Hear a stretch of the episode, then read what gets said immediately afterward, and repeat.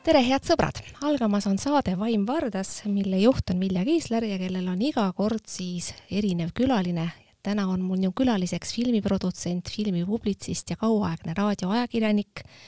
Riina Sildos, kes kuulub nii paljudesse filmi ja teiste audiovisuaalsete kunstide esindamisega seotud organisatsioonidesse,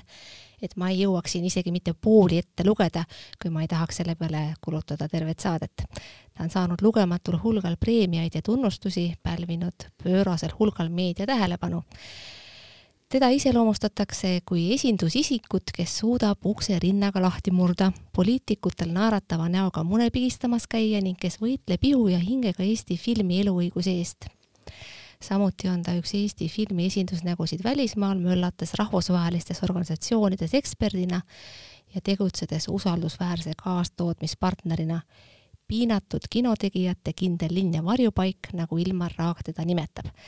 Need tutvustavad laused lugesin ma ette Maria Ulfsaki kirjutisest, mis ilmus Eesti Ekspressis seoses sellega, et mm, Eesti, Saksa, Soome, Vene, Vene oli ka jah, koostöös valminud film Kupee number kuus võitis Cannes'is põhivõistlusprogrammis Grand Prix.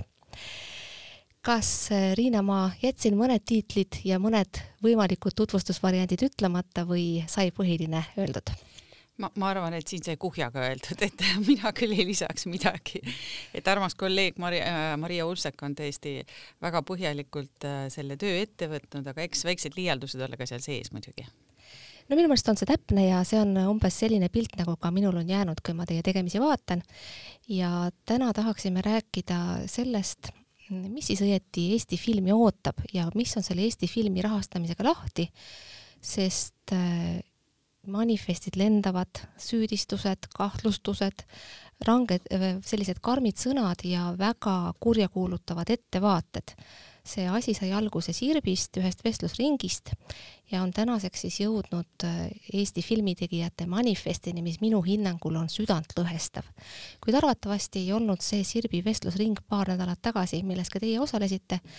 see päris esimene pääsuk siseringis teati Eesti filmi ähvardavast raha ilmajäämisest ilmselt juba varem. ja tegelikult juba aasta algusest, võib-olla isegi natukene varem, aga eks me oleme, filmirahvas üldiselt ei, ei kipu oma hädadest rääkima ja, ja, ja kõik teevad oma tööd rahulikult ja vaikselt ja, ja, ja tasa ja targu, aga kui olukord muutub juba täiesti väljakannatamatuks, selles mõttes on aru saada, et, et me oleme harjunud tõesti väga palju tööd tegema ka pro bono, ilma rahata. Ja tegelikult see ongi filmitegijate võib-olla võib öelda, et väga suur selline kas eelis või, või, või vähemasti väga suur põhjus tööd teha, et see toob väga palju rõõmu loomingulises keskkonnas ja, ja seetõttu, et äh, noh, kui ütleme, king väga ei pigista ja, ja ikka saad endale vorstivõileiva peale lubada, siis, siis küll saab hakkama. aga nagu praegu on siiski olukord läinud nii hulluks juba, et äh, me saame aru, et kui meie eelarve väheneb nelikümmend kaks protsenti, ma räägin tootmiseelarvest, siis seitsmelt miljonilt äh, nelja miljoni peale ja, ja need ei ole ainult mängufilmid, vaid need on ka dokumentaalfilmid, ka animafilmid mis tegelikult on löögi all, siis äh, meie jaoks tekkis küll küsimus, et äh, kas filmikunst kui selline on üldsegi vajalik rahastajatele, et kas kas see ei ole üldse noh, mingisugune valdkond, kuhu peaks investeerima, kuigi ta on ennast järjepidevalt tõestanud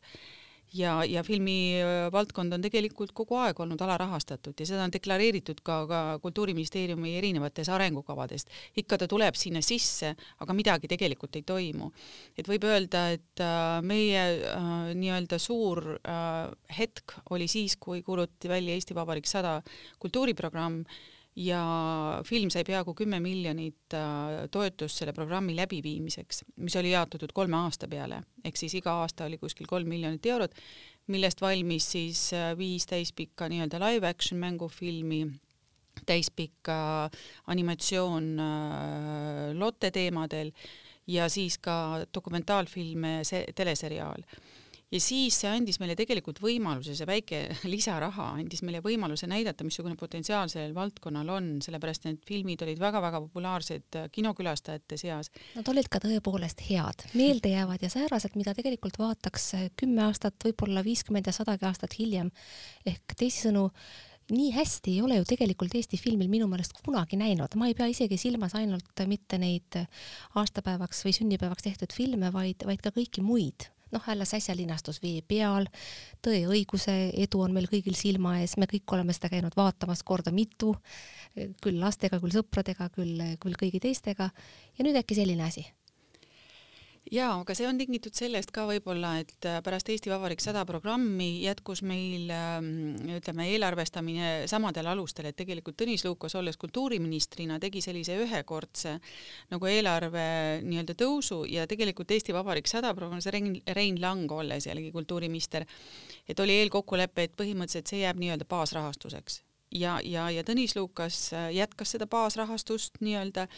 aga jällegi valitsuse vahetuse ja kultuuriministri vahetusega tekkis küsimus, et on vaja kokku hoida, on vaja leida eelarves ähm, kohti, mida saaks lõigata. Ja, ja, ja film nagu selles mõttes äh, sattuski sinna kääride ette. Ma saan aru asjast niimoodi, et Tõnis Lukase ajal oli see baasrahastuse jätkumine täiesti kindel ja see viga või selline arusaamatus tekkis siis valitsuse vahetusega, kuid ma kujutan ette, et nii teie kui ka teised filmitegijad on ilmselt proovinud äh, valitsusega, kes parasjagu ju valmist-, koos Riigikogu valmistub tegema riigieelarvet, olete ilmselt rääkinud näiteks kultuuriministriga. mulle on torganud hoopis silma see, et kultuuriminister ise ei ole Eesti filmi teemal mitte piuksugi teinud, mitte ainsatki sõna avalikkuses, aga ma kujutan ette, et teiega on ta ehk rääkinud või teiste filmitegijatega, režissööridega, produtsentidega ähm,? Meil on olnud üks või kaks kohtumist ja mul on hea meel, et ta tuli meiega Cannes'i filmifestivalile ja ta käis hiljuti ka teleseriaalide turul äh, Prantsusmaal. et äh, ta kohtub tegijatega ja, ja need vestlused toimuvad nii-öelda siis nende sündmuste raames. aga. Mm, aga saab ta aru, milles, kui suur häda on, saab ta aru, kui väga king pigistab?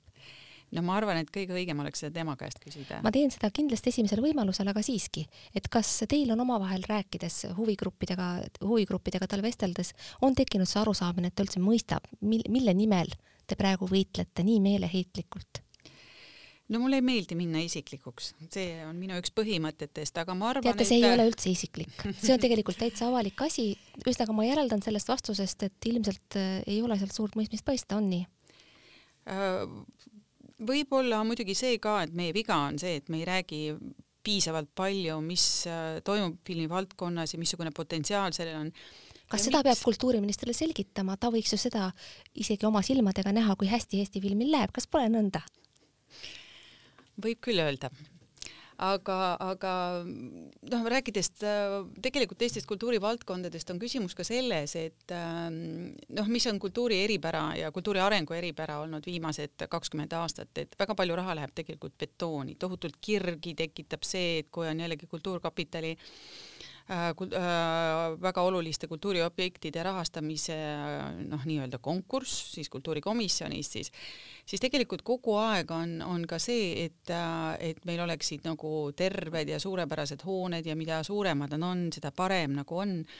Aga minu küsimus on selles, et aga millega me, millega me neid siis pärast täidame, eks ole? Ju, et kõigepealt ju, ju, ju me peame investeerima andesse, me peame investeerima sellest, et meil tuleks üldse andekad inimesed, me peame looma neile tingimused filmis oleme jõudnud sinnamaani, kui juba tõesti need vaesed režissöörid, kel, kes tõesti saavad teha võib-olla ühe filmi kolme-nelja aasta jooksul, eks ole,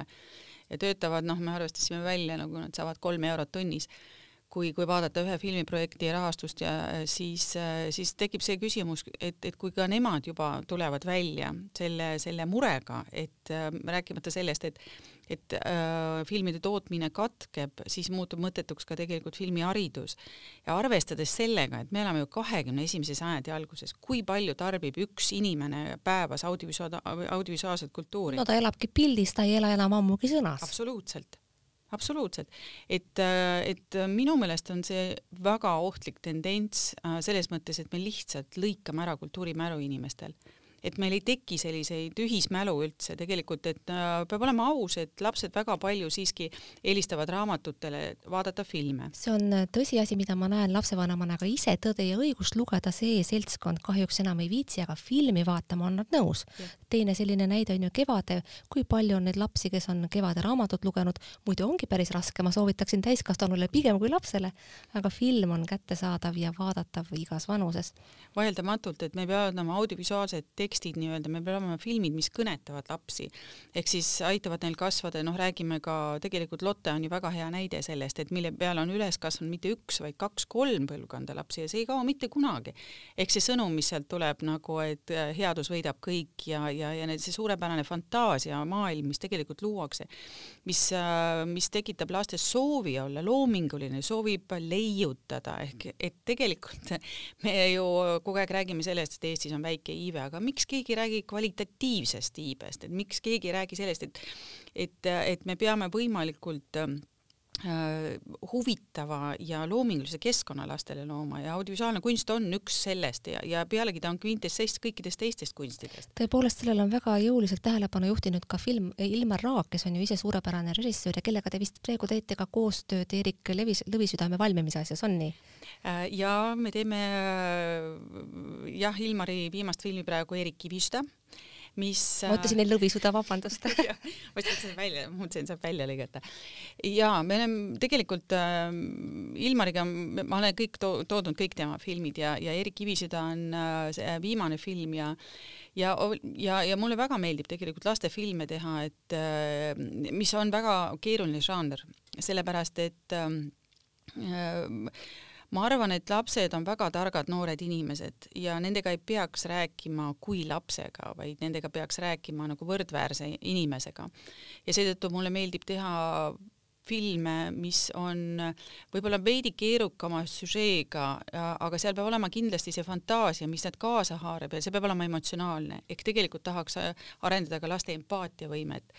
ja see film, mis on tõesti produktsiooni mõttes äärmiselt keeruline. ja vist ka Eesti kõige kallim film läbi ajaloo, kas nii? mitte ainult Eesti, vaid kindlasti Läti, Leedu ja ka Soome üks kallimaid filme. kui me räägime lähiriikidest, selle eelarve on neli miljonit eurot ja me teeme seda kuue riigi kaastootmises.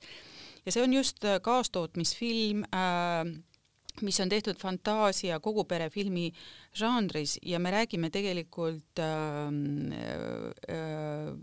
ema kaotamisest ja, ja leinast ja kuidas sellega hakkama saada. aga see on pandud sellisesse seikluslikku mängulisse vormi. nii et tegelikult laps läheb vaatama sellist tõesti väga toredat seiklusfilmi, kus on väga palju eriefekte, kus möllavad piraadid, kus tegevus toimub kahe maailma vahelises alas, aga tegelikult äh, see film, võib ka öelda, on esimene armastuslugu see on sellise läheduse ja sõbra leidmisest äh, ja, ja kui peaosaline on Eerik, siis Eerik äh,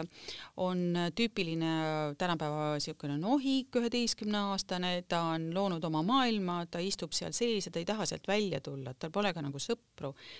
Ja siis see hetk, kui ta leiab äh, tüdruku, kellel on sama mure, sellepärast et ta ema on ka kadunud ja ta elab fantaasiamaailmas ja ka teistsugusesse maailmasse sulgunud ja see kahe inimese lähenemine ja üksteise aktsepteerimine sellistena, nagu ta on, ma arvan, on väga oluline sõnum tegelikult lastele. Kahtlemata, see film sünnib koostööd, koostootmisest nagu väga paljud teisedki tegelikult Eesti filmideks peetavad filmid, kuid äh, üks selliseid tõsiseid probleeme, mis kaasneb rahastuse vähenemisega, on ju ka see, et koostootmises me ei ole enam partnerid, me muutume teisejärgulisteks alltöövõtjateks, kui meile sedagi enam jagub ja me ei saa enam teha rahvusvahelisi filme, kui endal baasrahastus puudub. ja see vastab tõele küll, sellepärast et keegi ei võta sind tõsiseltvõetava partnerina, kui äh, sul on olemas projekt, ütleme, et sa oled suutnud seda arendada, sul on valmis stsenaarium ja, ja sa pead minema välismaale ja leidma sellele lisafinantse ehk siis minema seda projekti müüma ja koheselt küsitakse su käest, aga millal tuleb äh, sinu riigipoolne toetus sellele filmile ehk siis tootmistoetus. no ja siis hakkad äh, mämmutama, et ah oh,, et ma loodan, et järgmine aasta. no ei tule. see on tegelikult olukord, milles te ilmselt olete olnud korduvalt ja küllap olete tundnud ka ebamugavust, et need summad, mida võite nimetada, on väikesed ja nüüd siis võib-olla nad jäävad veelgi väiksemaks, kui ei muutu lausa olematuks siis me enam ei hakka välismaal käima raha küsimas, sellepärast et, et kui meil endal raha ei ole, siis ei tule ükski partner sulle ligi, sellepärast et äh, ütleme, filmide eelarved on ka tõusnud aastatega väga jõuliselt, et äh, kõige noh, ütleme selline keskmine, mitte isegi keskmine, vaid Euroopa ütleme selline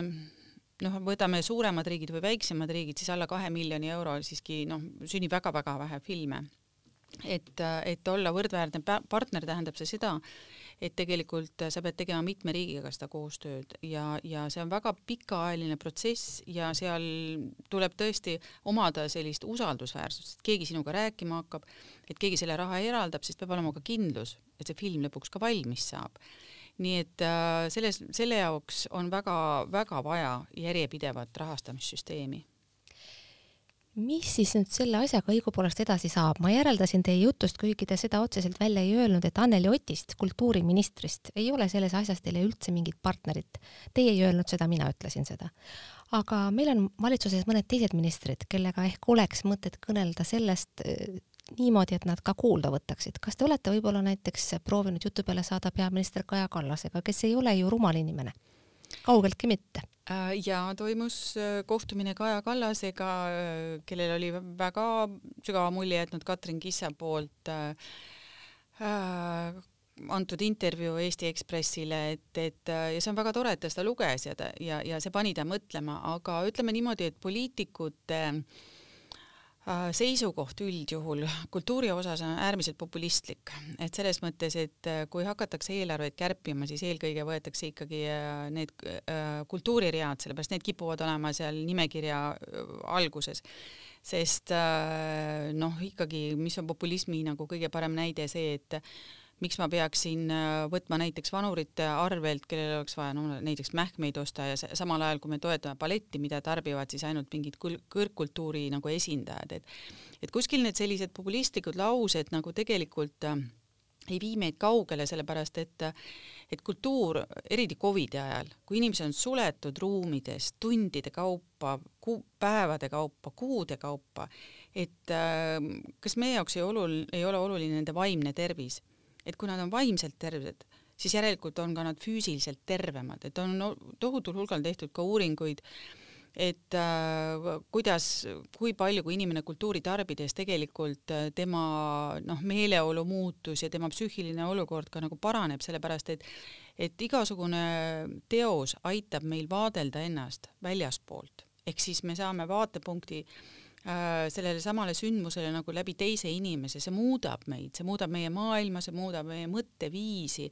Ehk siis mina olen veendunud, et maa, et kunst siiski muudab maailma paremaks. Ja, ja kui me sealt hakkame nüüd kärpima, siis äh, see maailm muutub vaesemaks. mida peaks tegelikult poliitik mõtlema, sellepärast et äh, võib-olla tal on lolli valijat vaja, ma ei oska öelda, temaga on kergem manipuleerida, aga tegelikult need on need inimesed, kes ju hoiavad seda riiki üleval, kes ehitavad seda riiki, et noh, minu meelest võiks investeerida tarka valijasse see on tegelikult ju mõttekäik, mis võiks olla Kaja Kallasele täiesti jõukohane. mida ta siis teile ütles nii populistlikku, et äh, te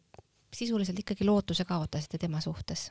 Jällegi ma loen ridade vahelt, ei öelnud midagi säärast, aga mina ütlesin. Äh, mina ei viibinud ka seal kohtumisel, aga ma võin öelda seda, et rääkides üldse poliitikutest ja, ja, ja kuidas kultuuri hinnatakse ja kuidas kultuurile nagu toetusi Eesti Vabariigis antakse, on ikkagi selle nii-öelda see kontaktide järgi,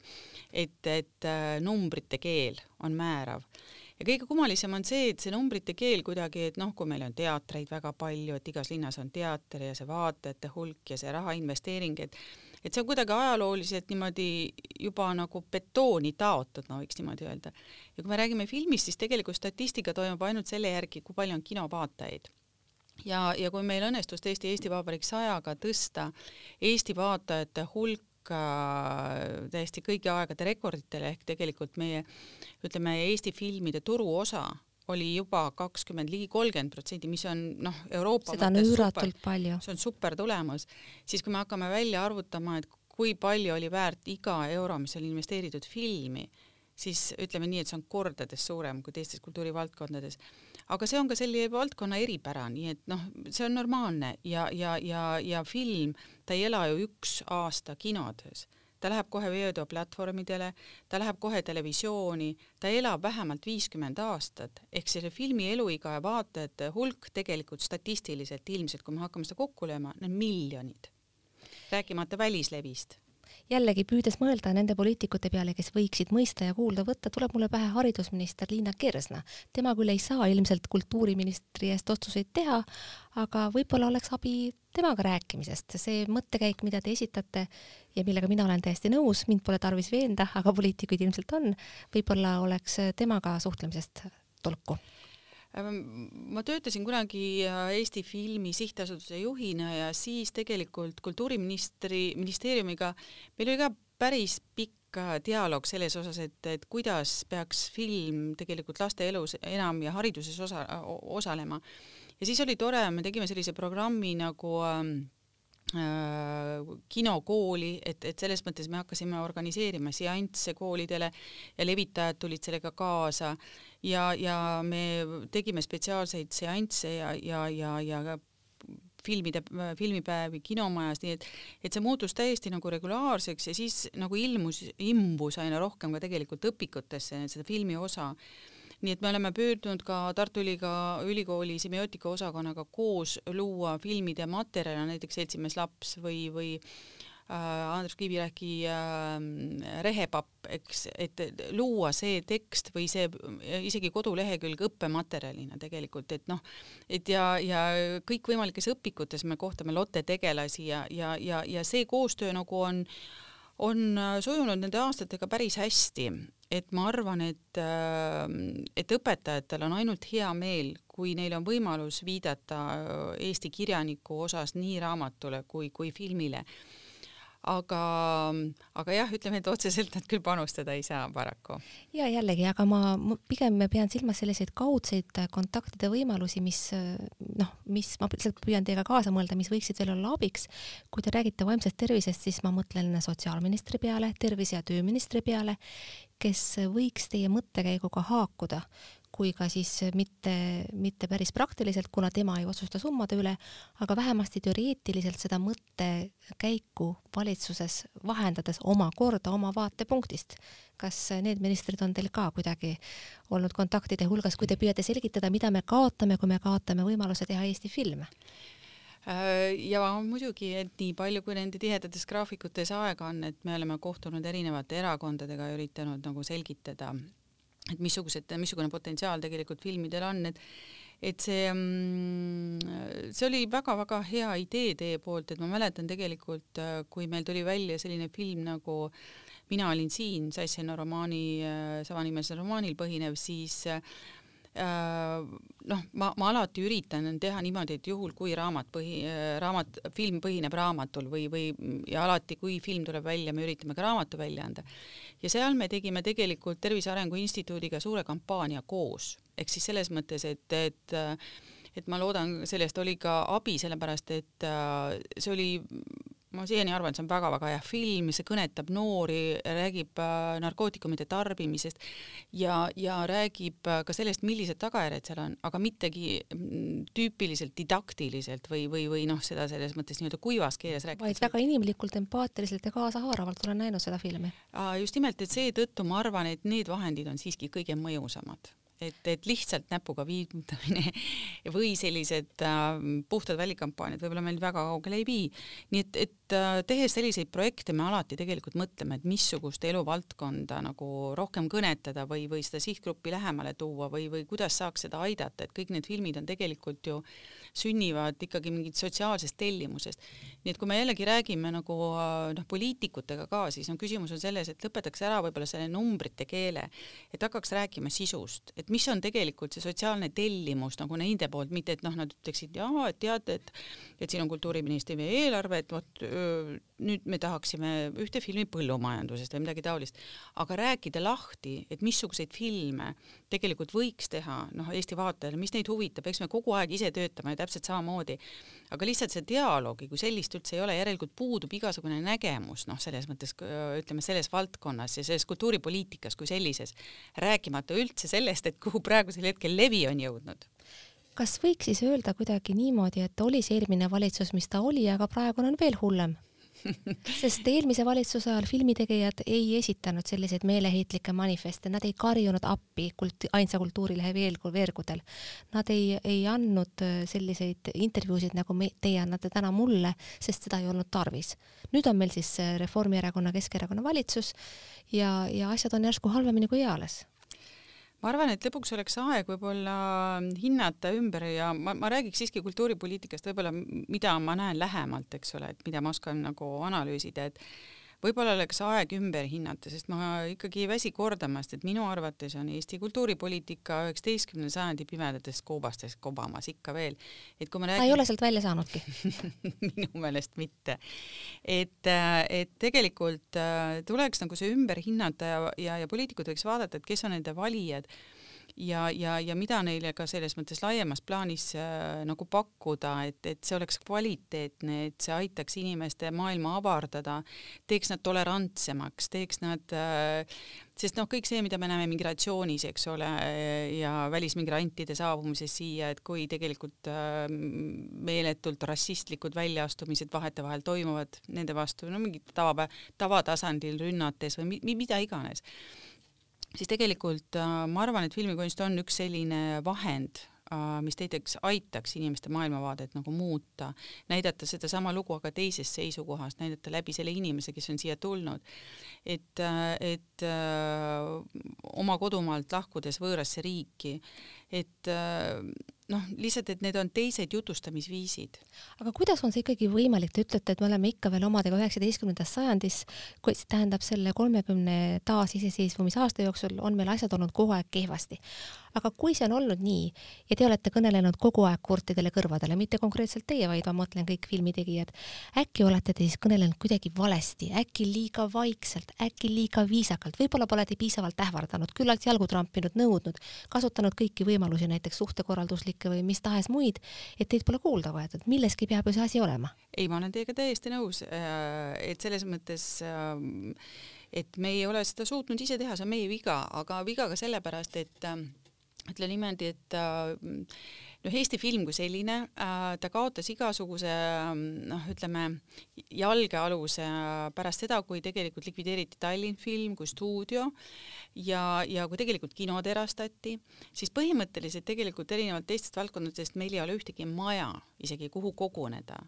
meil ja kõik need, kogu seda valdkonda tegelikult äh, neid filme teevad sellised noh, üksikud väikesed firmad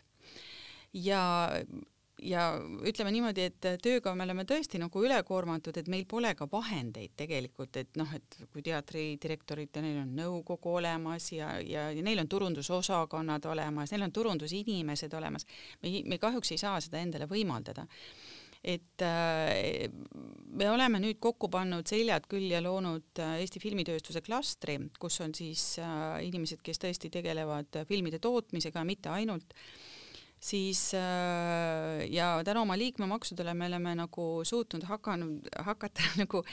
ka tegema lobi ja, ja oleme saanud kogu aeg aru, kui vajalik see on, aga lihtsalt meil on puudunud vahendid, sellepärast olles alarahastatud, pead sa põhiliselt jooksma. tegelema ellujäämisega. just, lunima seda, et järsku saaks kütust odavamalt kuidagi või mõne küpsisepaki võttele et no lihtsalt nii on, et see on elu, et ja me saame sellest aru ja, ja, ja me tõesti üritame nagu kuidagi nagu sealt välja tulla. mis saab nüüd sellest filmilinnakust, ma lugesin uudistest, see lisati riiklikult tähtsate kultuuriobjektide hulka, aga seal on siis veel ka teised projektid nagu Tartu südalinna kultuurikeskus, Narva Kreenholmi kultuurikvartali Manufaktuur kvartal Manufaktuur, Arvo Pärdi nimeline muusikamaja ja Rahvusooperi juurdeehitus, mingisuguseid prioriteete või ridasid pole paika pandud. kui kindel on see, et filmilinnak üldse raha saab? mulle tundub, et see prioriteet siiski pandi paika, et eilsel hääletamisel, et, et filmilinnak lisati sinna nimekirja, mm, aga ta on siis nagu viies. ta on siis viimane? jah ah soo, mina lugenud seda niimoodi välja, aga kui see on niimoodi, siis on see ju ikka jälle kehvasti. ma võin eksida, aga mina sain nii aru. Ja, ja see tähendab seda lihtsalt, et äh, ma, ma ei oska öelda, sest äh, Kultuurkapital tegelikult hakkab äh, vaatlema nüüd seda nimekirja, kindlasti on seal ka lisarahastus vajalik, et see, need objektid ei valmi ainult Kultuurkapitali toel. Siis äh, filmilinnaku puhul on see, et äh, Tallinna linn on äh, väga suurt huvi näidanud selle vastu ja mis on nendega minu, minu arvates ikkagi väga-väga selline filmisõbralik käitumine ja nad on nõus põhimõtteliselt selle filmilinnakuga üles ehitama nii-öelda laenuna.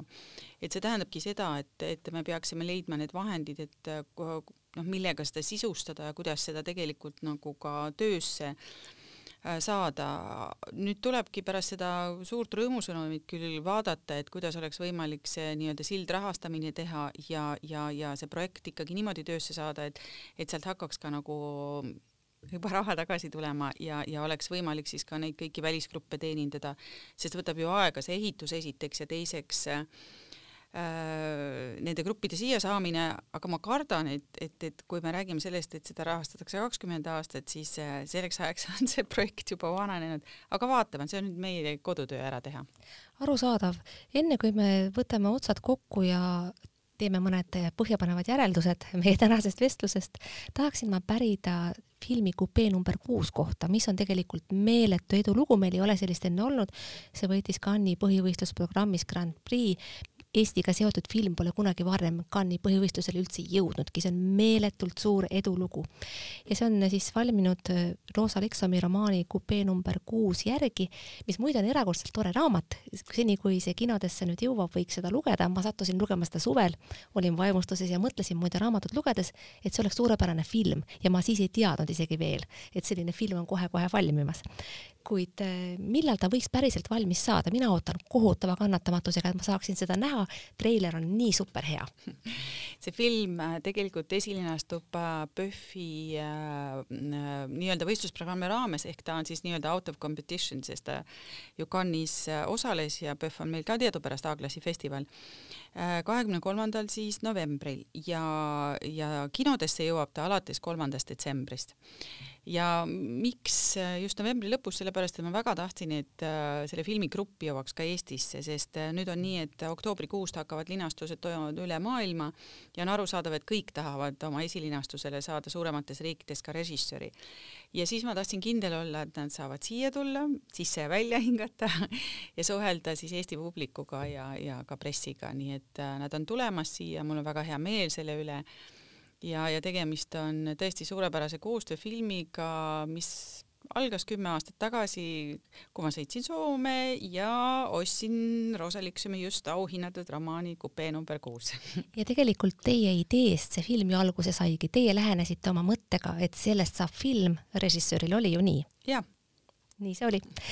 Riina, kui ma kuulan teid ja kui ma mõtlen selle järelduse peale, et me elame ikka veel oma filmiteoga üheksateistkümnendas sajandis ja kui ma vaatan teid, mismoodi te särasilmil räägite sellest, mida te teete ja tunnetan seda, kui väga te vaatamata kõigele oma tööd armastate, siis ei saa ma muud kui lõpetada seda saadet küsimusega, miks te seda teete, kui see on nii raske ma arvan, et see on imeline maailm, äh, sellepärast ka, et äh, ma saan töötada, töötada suurepäraste inimestega äh, ja see, see, mulle lihtsalt sobib see loominguline keskkond ja mulle meeldib teha ka filmi sellepärast, et nagu ma ütlesin, et ta koondab enda alla nagu teised kunstivaldkonnad. et, et, et seetõttu ta tundub natuke suurem ja natukene äh, kaugemale jõudvat äh, sellesama sõnumiga, mis kindlasti on ka teistes teostes olemas, aga kuidagi võimsamalt ja see tõesti nagu paneb silma särama. Riina Sildas, ma tänan teid südamest selle jutuajamise eest, mul oli erakordselt huvitav ja inspireeriv seda kuulata, ma loodan, et sama lugu on kuulajatega. saate nimi oli Vaim Vardas, saatejuht oli Vilja Kiisler, järgmine saade on eetris umbes täpselt kuu aja pärast, aitäh, et te kuulasite. olge järgmise saateni terved ja tublid, kuulmiseni ja nägemiseni Thank you.